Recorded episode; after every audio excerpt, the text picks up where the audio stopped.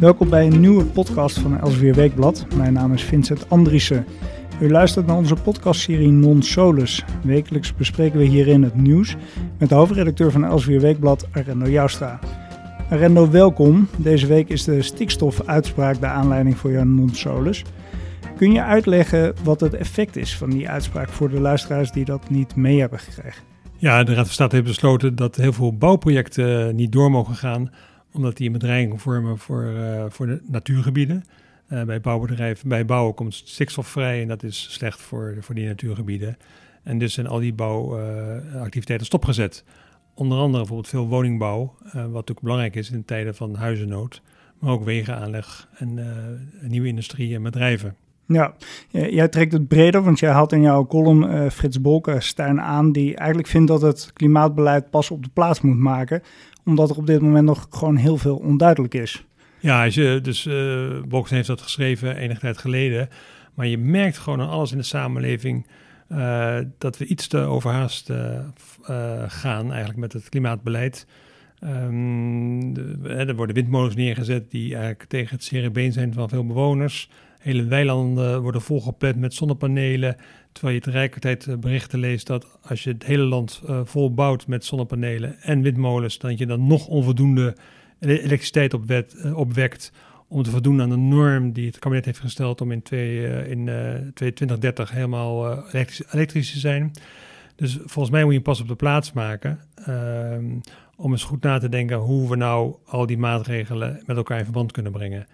Uh, en dat gebeurt niet, want het kabinet is namelijk blij met overeenstemming aan de klimaattafels en met een uh, instemming in de Tweede Kamer. Want daarmee werkt het kabinet. Dus logisch, zo werkt de politiek. Die hebben nu eenmaal overeenstemming nodig om iets te kunnen besluiten. En zullen dat momentum niet verliezen. Dus ze hebben nu al die maatregelen hebben ze, hebben ze uitgesmeerd om, om maar een begin te maken.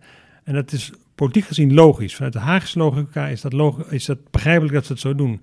Maar vanuit de samenleving heeft natuurlijk een, dat is het niet logisch. Want een samenleving wil dat je maatregelen neemt die A. werken, B. elkaar niet tegenwerken en ook duurzaam zijn. Dat ze ook uh, lang kunnen blijven bestaan. En bijvoorbeeld uh, zonnepanelen, die moeten over, na 15 jaar moeten ze vernieuwd worden. En dan moeten die oude zonnepanelen moeten gerecycled worden.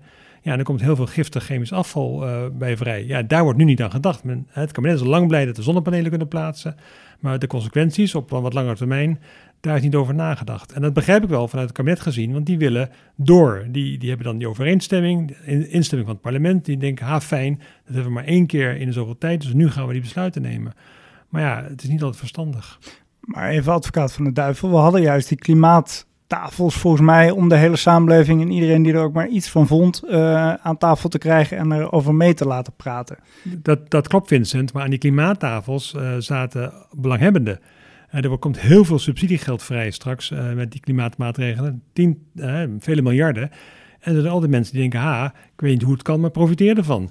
Dus die, die bouwen bijvoorbeeld, of die zitten in, zitten in de zonnepanelen, of die bouwen het fundament voor windmolens, of kunnen op een andere, andere manier profiteren. Ja, en die, die houden het kabinet natuurlijk niet tegen. Die, die zijn natuurlijk dol op klimaatmaatregelen. Maar voor het, voor het algemeen belang, voor hoe het gaat, is het lastiger. twee, aan de klimaattafel zat niet de burgerij. En de burgerij die heeft uh, vaak last van een windmolen vlak voor de deur. Of uh, een weiland waarop ze uitkijken wat opeens verandert in een vlakte met zonnepanelen.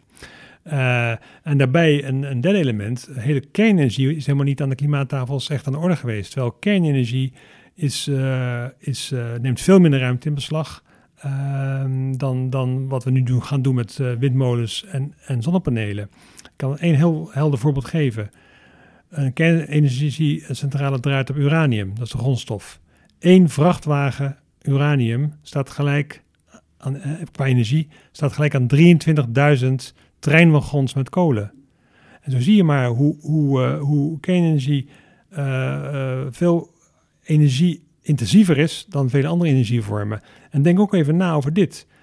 Eén vrachtwagen met uranium belast nauwelijks de omgeving als die over over de weg rijdt.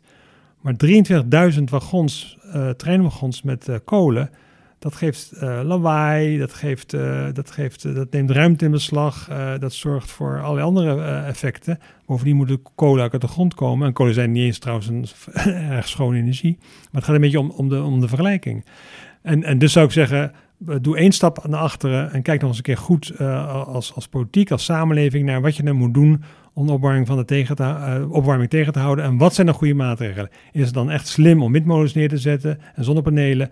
Of zijn er ook andere uh, methodes die misschien wat minder ruimte in beslag nemen en wat vriendelijker zijn voor, voor het landschap, wat vriendelijker zijn voor de natuur en wat vriendelijker zijn ook voor mensen die in het land wonen? Kortom, pas op de plaats maken. En goed om je heen kijken. Heel goed. Dankjewel voor dit gesprek, Arendo. U luistert naar onze podcastserie Non-Solus met hoofdredacteur Arendo Joustra. Meer commentaren en de Non-Solus vindt u op elsevierweekblad.nl slash opinie. Wilt u nou helemaal niets missen? Neem dan een abonnement op Elsevier Weekblad. Al onze abonnementsvormen vindt u op www.lezenelsevier.nl. U heeft al een digitaal abonnement vanaf 8 euro per maand. Mijn naam is Vincent Andriessen en ik dank u hartelijk voor het luisteren naar deze podcast van Elsevier Weekblad.